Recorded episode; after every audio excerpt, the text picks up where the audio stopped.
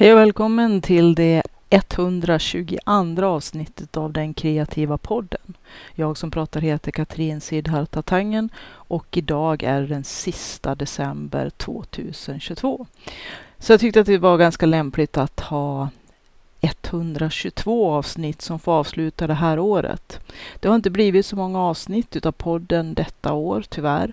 Jag pratade en hel del om covid förra gången och det berodde ju på att vi då var i vår värsta lockdown, isolering. Och jag sa då att vi alla skulle hålla ut, att det skulle bli bättre och att eh, nu är vi ju på andra sidan, åtminstone covid och pandemin. Det är inte över på det viset att det fortfarande blir väldigt många smittade, speciellt nu när det är december och att eh, smittan då tenderar att stiga och bli mycket högre. Tillsammans med vinterkräksjuka, influensa, RS-virus, det som brukar vara den här tiden på året, så kan det vara bra att fortsätta att eh, tänka på att inte trängas, tvätta händerna och att ta hand om sig själv, speciellt om man är i riskgrupp. Men nu har, vi ju, har det ju seglat upp andra saker som alla vet och i början på 2022 så bröt kriget i Ukraina ut och det var ju kändes ju ganska så tungt med tanke på att vi precis hade kommit ur covid-skiten så startar ett annat skit. Men på något vis så måste vi fortsätta att leva och fortsätta att fungera precis som under covid-epidemin. Och eh, det är bara att, eh, som jag sa i förra avsnittet, att sätta ner hälarna och borra ner huvudet mellan axlarna och sträva vidare. För det kommer att bli ljusare och jag hoppas verkligen att det här Ukraina-kriget får ett snabbt och ett så bra slut som det bara kan bli så, man, så bra som man kan hoppas på. Det är tråkigt att i varje avsnitt behöva prata om allt som har hänt de senaste tre åren, förutom då det som jag också talat lite kort om, de privata, ganska så stora svårigheter med eget dödsfall nära på och nära anhörigstöd. Och det, det, har varit tungt och det syns ju också i antalet avsnitt utav podden som har varit ganska obefintliga under året om man bortser från avsnitt 121.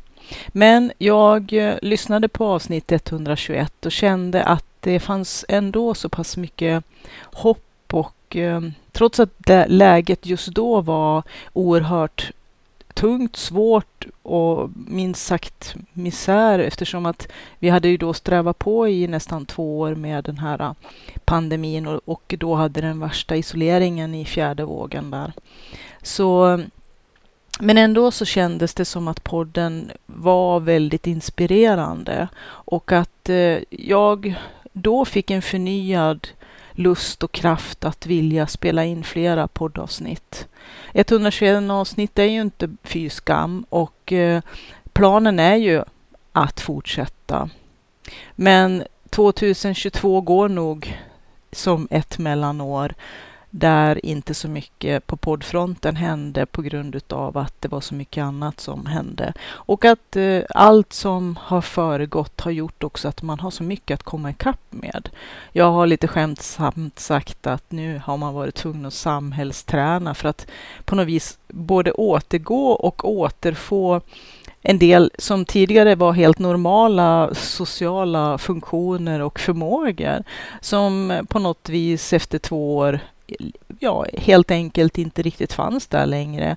Att det blev en tillvänjning eller någon slags återanpassning. Så jag kallar det för att samhällsträna. Nu har vi haft chansen att samhällsträna ett tag och eh, de tider som är nu har inte varit direkt jättepositiva med tanke på eh, fruktansvärda konsekvenser för människor som lever i Ukraina och eh, för de människor som drabbas av kriget både direkt och indirekt. Det har ju också märkts covid-effekten och nu då Ukraina-effekten, kriget på ekonomin. Det tror jag inte att någon har gått förbi. Och att eh, elpriser, bränslepriser, matpriser, räntor, ja det är precis allting har blivit väldigt mycket dyrare med inflationen som har eh, skenat. Och det är klart att vi kanske har några tuffa månader framför oss kanske, eller år. Det, det, får vi väl se. Jag tror att och hoppas att när Ukraina-kriget, om det nu så fort som möjligt kan liksom redas ut på ett så bra sätt som det bara är möjligt. Och Eh, jag fortsätter att försöka vara försiktigt optimistisk eller positiv. Det finns en ljusning någonstans, även om att det handlar om hur lång tid bara och att vi får försöka att bita oss kvar allt vad vi orkar och ändå någonstans hitta tillbaka till ett vanligt normalt liv efter covid och trots att det här kriget verkligen gör att man, man hukar helt enkelt. Och det finns väl anledning. Och att ekonomin dessutom pressar alla från alla möjliga håll och fronter samtidigt. Det är lite grann den perfekta stormen. Men jag tänker så här också att genom att vi trots covid, om någon nu minns hur det var när det hela startade och när det började bli allvarligt. Nu när covid inte längre är en pandemi och att de flesta är vaccinerade eller har redan varit igenom några vändor av covid och eh, att det nu har blivit någon slags normalisering och att man direkt efter att eh, restriktionerna togs bort så var det ungefär som att covid aldrig hade funnits. Men det är ju inte riktigt hela sanningen. Men det är alltid också svårt att, speciellt om det kanske handlar om ett eller två år tillbaka i tiden, att kunna komma, komma ihåg och minnas hur det faktiskt verkligen var. Att det är lätt att väldigt fort glömma och att vi snabbt kommer tillbaka till det normala, den vanliga vardagen och att vi kanske tappar en del av dem. Jag menar, eh, en pandemi är fruktansvärd och ett krig är fruktansvärt också. Det är liksom på den skalan. Men det finns ju en del saker som också kanske har lärt oss någonting. Att vi har haft möjlighet att förstå oss själva, både kanske frivilligt och ofrivilligt, har vi varit tvungna att vara mera nära oss själva och att många har fått insikter, har sett saker i sitt liv som de vill ändra. Och nu är ju naturligtvis eh, årets sista dag och nyårsafton som det är idag. Den här klassiska dagen när alla ska ge, avge nyårslöften och att man kanske vill i alla fall göra något slags avslut av det här året också. Alla kanske inte skriver en, å, en ny, nyårskrönika och sammanfattar eller summerar året. Men man kanske lite grann kan reflektera över det året som var och eh, över saker och ting som har skett och vad som har hänt och var man är någonstans i livet och att ändå ta ut en slags ny kursriktning. Att ge löften som de flesta redan har brutit i mitten på januari, det tycker jag är lite, kanske lite deprimerande och det kanske man kan hoppa över i år. För att eh, det är aldrig roligt att misslyckas eller känna att man lovade sig själv någonting som man sen inte upprätthöll. Att man svek sina egna löften och sådana saker. Och det är ju för att vi ibland blir lite överdrivna när vi när vi känner att åh, nu ska jag förändra mitt liv och jag ska bli en bättre människa och jag ska börja träna och jag ska göra det och jag ska göra det och jag ska göra det. Och så siktar vi på ett mål som inte ens är, är tillräckligt uh, rimligt ens för den person som vi är när vi är vårt allra, allra, allra bästa jag. Vårt ideala jag. För vårt ideala jag är vi ju väldigt sällan. Vi måste ju försöka att eh, rita upp våran kursändring och våra mål utifrån någonting som är hållbart även när vi har våra sämre dagar. Och jag menar inte att man ska sänka sina ambitioner eller sina mål. Inte om de är rimliga man kanske ska driva på sig själv lite mera och inte bara förslappas och hänge sig åt minsta möjliga motståndets lag som kanske vi människor har en tendens till.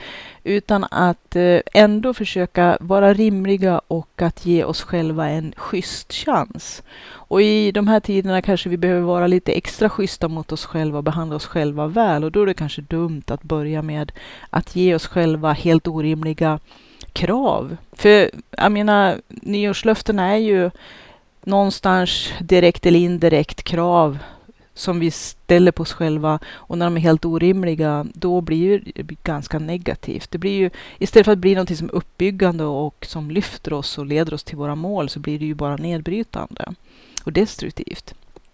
Så jag tänker att det kan vara kanske lite bättre att vara rimlig, realistisk och att vara schysst mot sig själv och ge sig själv mål och ändra kursriktning på ett sådant sätt att det finns en chans att vi faktiskt kan nå det vi hoppas på. Även om det kanske tar lite längre tid och att vi ger oss själva mera tid och rimliga steg. Det mesta brukar ju gå att lösa ifall att man bryter ner det i mycket mindre bitar och mycket mindre steg. Att hela tiden bara tänka, vad är nästa grej jag kan göra för att föra det här framåt? Men som jag har kommit fram till också nu lite grann, också med tanke på podden som har stått stilla det här året som har varit, det är att man någonstans måste bryta barriären. Bryta den här väggen utav den här mer och mer tjocknande, hårda hinnan utav, bryta igenom sitt eget motstånd, sitt, sitt eget motstånd. Att vi, vi sätter upp så mycket hinder för oss själva och jag är ju expert på det. Dels att vi prokrastinerar för att vi vill förhindra att faktiskt göra det vi egentligen vill göra.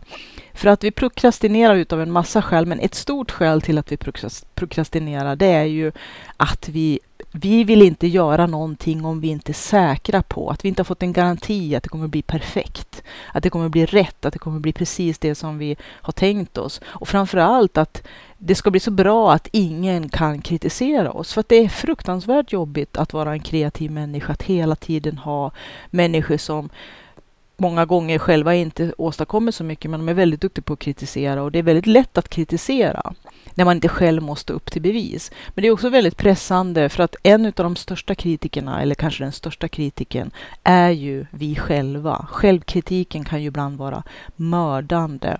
Och det är lätt att sabla ner sig själv redan innan man ens har kommit ur startblocken. Och det känns ju också lite grann meh varför? Det är så onödigt. Varför är vi så hårda mot oss själva? Vi behöver faktiskt vara schysst mot oss själva. Behandla oss åtminstone lika bra som vi skulle behandla en god vän som vi är mån om. Och det gör vi ju väldigt sällan. Vi är ju mycket hårdare mot oss själva än vad vi är mot andra. Och vi kan vara hänsynslösa, brutala och vi vet precis vilka knappar vi ska trycka på för oss själva. Vi vet precis vilka saker som gör att vi verkligen tacklar av och, och viker oss och backar undan. Och det är ju det som vi utnyttjar lite grann också när vi prokrastinerar. Fast det sker ju lite grann bakom kulisserna indirekt och lite omedvetet, lite i vårt fördolda. Och det är klart, det är kanske inte alla som fungerar på det sättet, men jag tror att det är ganska vanligt. Och att bryta igenom den här barriären, det är ju någonting som är också väldigt svårt. För att som för min personliga del så tycker jag oftast när jag gör någonting att det, det är kass, att det inte är något bra. Jag har så höga krav, allt ska vara så perfekt, det ska vara så otroligt genomtänkt, det ska vara så genomanalyserat och eh, ja, sönderanalyserat. Om man är kronisk övertänkare, som jag är och som jag tror är ganska vanligt. Att övertänka saker tills att det i princip är söndertänkt, det är liksom bara, blir bara skräp av alltihopa. Och att många gånger, en, ett väldigt starkt om man ska kalla det för vapen i vår egen kamp mot oss själva när vi självsaboterar, det är ju att planera. Vi planerar till döds, vi analyserar till döds, vi övertänker till döds. Och allt det där är jag skyldig till, för det är jag expert på. Och det tror jag många kreativa människor är. För en stor nackdel med att vara både kreativ och kanske ha en relativt hög intelligens, det är ju att vi har stark förmåga att se allt i förväg, att analysera och räkna ut saker och ting i förväg och drabbas av analysis paralysis. Och att det här planerandet, att vi också lite väldigt lömskt intalar oss att det här planerandet, ja men vi är ju på gång, vi håller ju på med någonting, vi är ju på väg åt det hållet som vi har tänkt, vi håller ju på att förverkliga våra mål, intalar vi oss. Vi gör ju saker i rätt riktning. Men det är ju ett fördröjande och ett förhalande och uppskjutar sjukan i kamouflage. För visst, naturligtvis, det är jättebra att vara förberedd och det är ju visst bra att ha en planering. Sätta upp mål och rita upp lite linjer för hur man har tänkt att nå det målet. Dela upp det i delmål och hacka upp det i mindre bitar. Och det är där som, liksom, när det börjar närma sig att faktiskt genomföra, hacka ner i mindre bitar och genomföra.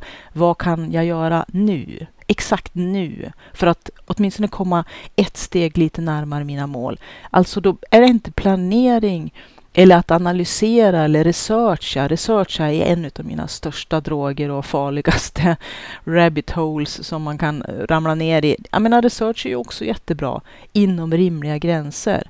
Men allt det här är ju, om man håller på med det för mycket, så är det ju faktiskt en ren och skär förhalningsteknik. Och vi förhalar för att vi vill inte fejsa att gå till handling. För så fort som vi går till handling, ja då är ju risken att vi kommer att möta på motstånd, friktion, misslyckanden, felberäkningar och allt vad det kan vara som vi kanske tycker är väldigt jobbiga och obehagliga. Och framförallt kritik. Självkritik, inre kritik, kritik från alla nära och kära runt omkring oss.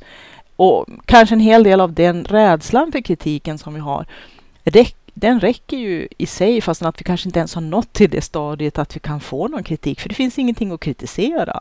Vi har inte än gjort en action, alltså en praktisk handling som har lett till någonting som kan kritiseras. Vi har bara suttit och rört omkring navelluddet. Och jag är skyldig till allt det här. Och jag tror att alla kreativa och ehm, rimligt intelligenta människor har en tendens åt det här hållet. Vi fastnar lätt vid datorn, vid skärmarna, telefonen och så sen när vi ska försöka att rättfärdiga att vi sitter bara och snurrar runt på eh, sidor och, och, och scrollar och har oss, så kallar vi det för research, att vi planerar och att vi tänker på nästa steg och att vi måste vara förberedda och allt det där. Men mycket av det är bullshit istället för att bara sätta sig ner eller ja, hur man nu ska utföra det som ska utföras, om det är stående eller sittande eller springandes eller gåendes eller vad det nu handlar om. För det mesta är inte sittandes och för det mesta är inte liggandes i alla fall.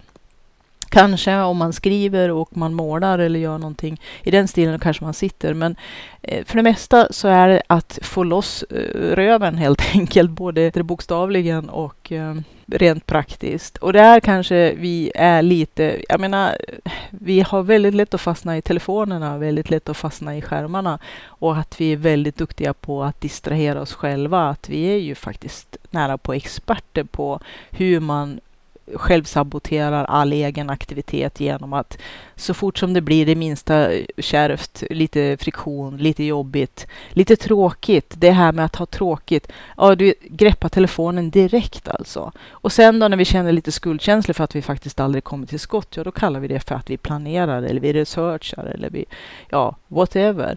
Men det måste dras ett streck ibland när man bara säger nej, nu är det nog nu ska det göras praktiska saker. Nu ska nästa steg tas. Och att vad är nästa steg? Allt behöver inte vara uttänkt, genomtänkt, sönderanalyserat och planerat in i minsta detalj. Många gånger faktiskt är det ju också så att när man väl sätter igång med någonting så inser man hur bortkastad all den här tiden på planering, analysering och eh, research har varit. Därför att nästan på en gång så stöter man på någonting som kastar omkull alltihopa allt det här teoretiserandet har, har ju varit säkert oerhört stimulerande och känns väldigt vettigt och motiverat. Men så fort man möter verkligheten det är väl som någon har sagt att så fort planen möter verkligheten så är ju planen död.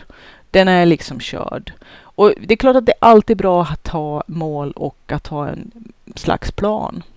Bara för att åtminstone komma ur startblocken och ha någon slags riktning.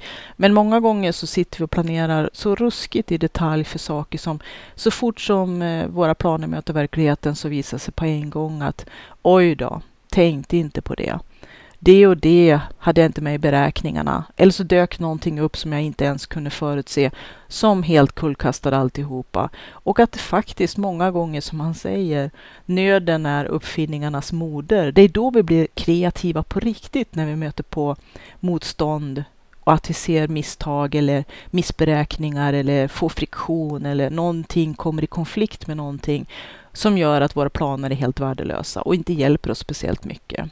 Naturligtvis är det här en sanning med modifikation, men det gäller att vara riktigt, riktigt observant på sig själv. Och här är jag en av de största kålsuparna eftersom att jag är verkligen en som vill planera, researcha och eh, tänka ut saker och ting i förväg. Gärna ha en spelplan och räkna ut allting i minst 10-20 olika uppsättningar utav vad som kan hända i förväg. Och det där gör ju att det tar väldigt lång tid att komma ur startblocken och när man väl gör det så inser man att det här skulle ha kunnat gått så mycket fortare om jag bara hade satt igång. Och tragiskt nog, det som har retat mig jämt, varenda gång jag har faktiskt tagit itu med att göra någonting som jag har tänkt på, planerat, analyserat och känt mig stressad över. När jag väl har gjort det och det har gått jättefort att göra själva saken. Att action ibland har nästan blivit ett antiklimax därför att oj då, det tog bara 10 minuter, det tog bara 20 minuter eller pang tjong en halv dag och jag har gått och gruvat mig i 20 dagar eller 20 månader. Att vi har lagt ner så mycket tid i förväg som har varit helt och hållet icke-produktivt helt okonstruktivt. Och när vi väl har gjort grejen som vi har gruvat oss för och skjutit framför oss och hittat på alla möjliga hinder för, så visar det sig att det var faktiskt inte så fruktansvärt besvärligt. Det var inte så fruktansvärt komplicerat. Och när det gick för lätt, eller ja, för lätt kanske inte saker och ting kan gå, men när det bara gick så himla snabbt att fixa den där grejen så står man där och känner sig oerhört eh, bitter bitter faktiskt. Att man har lagt ner så mycket tid och mental energi på saker och ting som hade man bara satt igång och gjort det så hade det varit gjort och det hade gått så fort och så hade man kommit vidare till nästa steg. Att vi är experter och i alla fall jag. Jag pratar utav min egen personliga upplevda verklighet och den erfarenhet jag har och viss självinsikt att eh, många gånger så har vi hållit oss tillbaka, hållit oss själva tillbaka så oerhört mycket och målat upp alla möjliga slags hinder och ursäkter och saker som vi måste fixa först och att vi måste ha de perfekta förutsättningarna. Och där är det ju faktiskt ibland att vi bara helt enkelt måste ta oss själva i örat och säga nej, nu får du sluta och bara göra. Eller åtminstone göra försök att ta nästa steg. Eller försök, gör nästa sak. Och ofta är ju den här saken som ska göras, den konkreta handlingen, oerhört enkel avskalad. Om man bara tar ett enda steg i taget och så tar man sedan nästa så brukar himla mycket bli gjort väldigt fort. Och det är ju det här som jag kämpar med nu, att försöka bara sätta igång. Inte sitta och fundera så fruktansvärt mycket i förväg. Det gränsar nästan till självsabotage, allt det här planerandet och strategitänkandet som man tror eller vill inbilla sig att man håller på med och allt, allting som ska tänkas ut i förväg. Och därför är det viktigaste att bryta barriären. För att många gånger när man bara tar det här första steget och inser naturligtvis att oj då, all den här planeringen var ganska, ganska bortkastat. Allt det här gruvandet, oj, det var också ganska bortkastat. Men att bryta barriären, att bara få en enda grej ur händerna, det är ju ett jättelyft. Många gånger så kan det ju bli att man får en kedjereaktion, att man plötsligt då bara kan eh, daska av en väldig massa saker på sin lista. Alla de här små sura segbollarna som man har hållit på och tuggat på hur länge som helst som aldrig har blivit av, utan man bara har tuggat och tuggat och tuggat. Och så sen så ser man till att bara få undan. Ibland kan det vara att man kan få fruktansvärt momentum, en väldig fart, bara att man gör några av de här riktigt sega sakerna som man har skjutit framför sig alldeles för länge. Man har gjort de riktigt sega sakerna och man har dem ur vägen. Man frigör så mycket mental energi att man nästan, man nästan blir yrslig. Det liksom blir så himla mycket fritt utrymme i skallen att ja, det blir en slags eufori men också att man kan nästan bli, ja, det, det, är en, en härlig känsla. Och när man väl börjar få skuffa undan en del saker som har legat och trängt och tryckt på en väldigt länge, så kan man ju hamna i, i det här berömda flow, det som är så himla härligt att uppleva. Då när man bara kommer i verkligen den här, man kör, man kör och det flyter och man märker inte ens hur tiden går och, och efteråt så känner man sig så oerhört lätt Både i, huvudet och i själen och i hjärtat. Det är en fantastisk känsla. Och att ibland kan det vara skitsimpla saker som vi kanske bortser ifrån eller tycker bara är för fåniga. Men att diska disken och att bädda sängen. Egentligen bara att bädda sängen. Har man bäddat sängen, vilket kan kännas som, ja men herregud, vad är det för det med det? Det är liksom, jag ska snart ligga i den igen och då är det lika stökigt. Nej, men just det här att bädda sängen. Det är ett första steg att känna att man åstadkommer någonting. Det blir också den här äh, ordningen. Allting känns faktiskt väldigt, väldigt lätt. Det är ju i alla fall som jag upplever rätt så märkligt att Att bara ha sträckt lakarna och slätat ut överkastet eller täcket, vad man nu har för någonting. Och att det blir prydligt och att man känner att okej, okay, jag har bäddat sängen. Det är det här första lilla startskottet, den här första handlingen som bryter barriären och gör att man kan få upp farten, få speed, känna att man kanske har möjlighet att få pricka av några saker till liksom. Och det gör att man kommer in i flow och så känner man att nästan ingenting är omöjligt eftersom att man har gjort några saker som har gett en väldigt mycket styrfart. För många gånger handlar det om styrfart, att komma loss, få bort röven helt enkelt ifrån soffan eller från fåtöljen eller från stolen och känna att man faktiskt är i rörelse. Det är väl ju en gammal sanning eh, att eh, en, ett objekt ett stillastående objekt fortsätter ofta att vara stillastående, men ett objekt i rörelse är oftast, har mycket bättre möjligheter, potential att fortsätta vara rörelse. Och att det viktiga är att hålla oss i rörelse.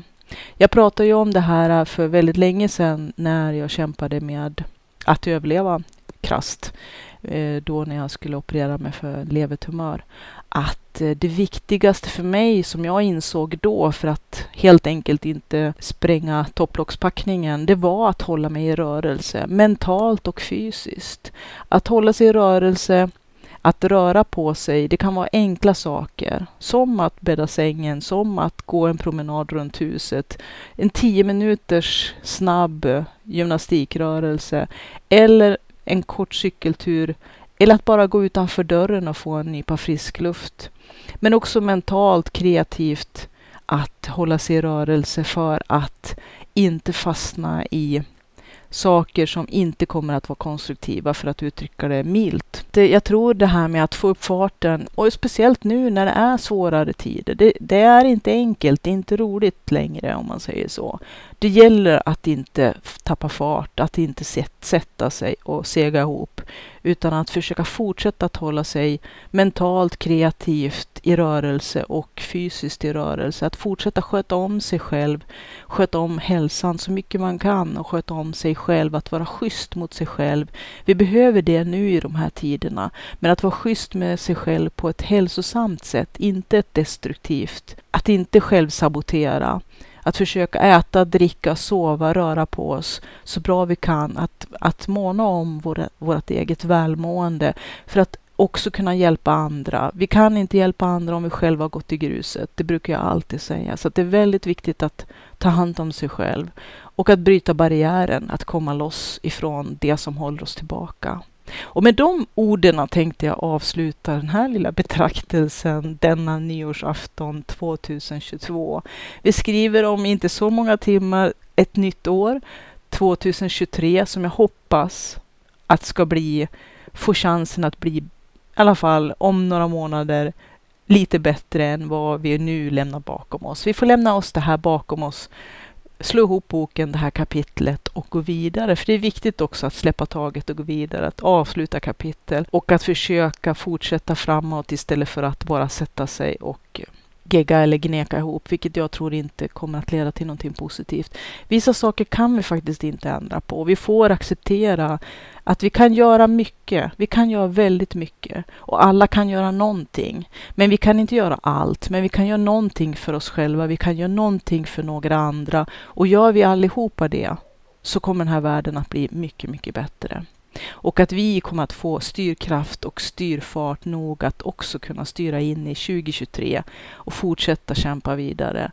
Vi håller stånd. Vi kommer att fortsätta kämpa.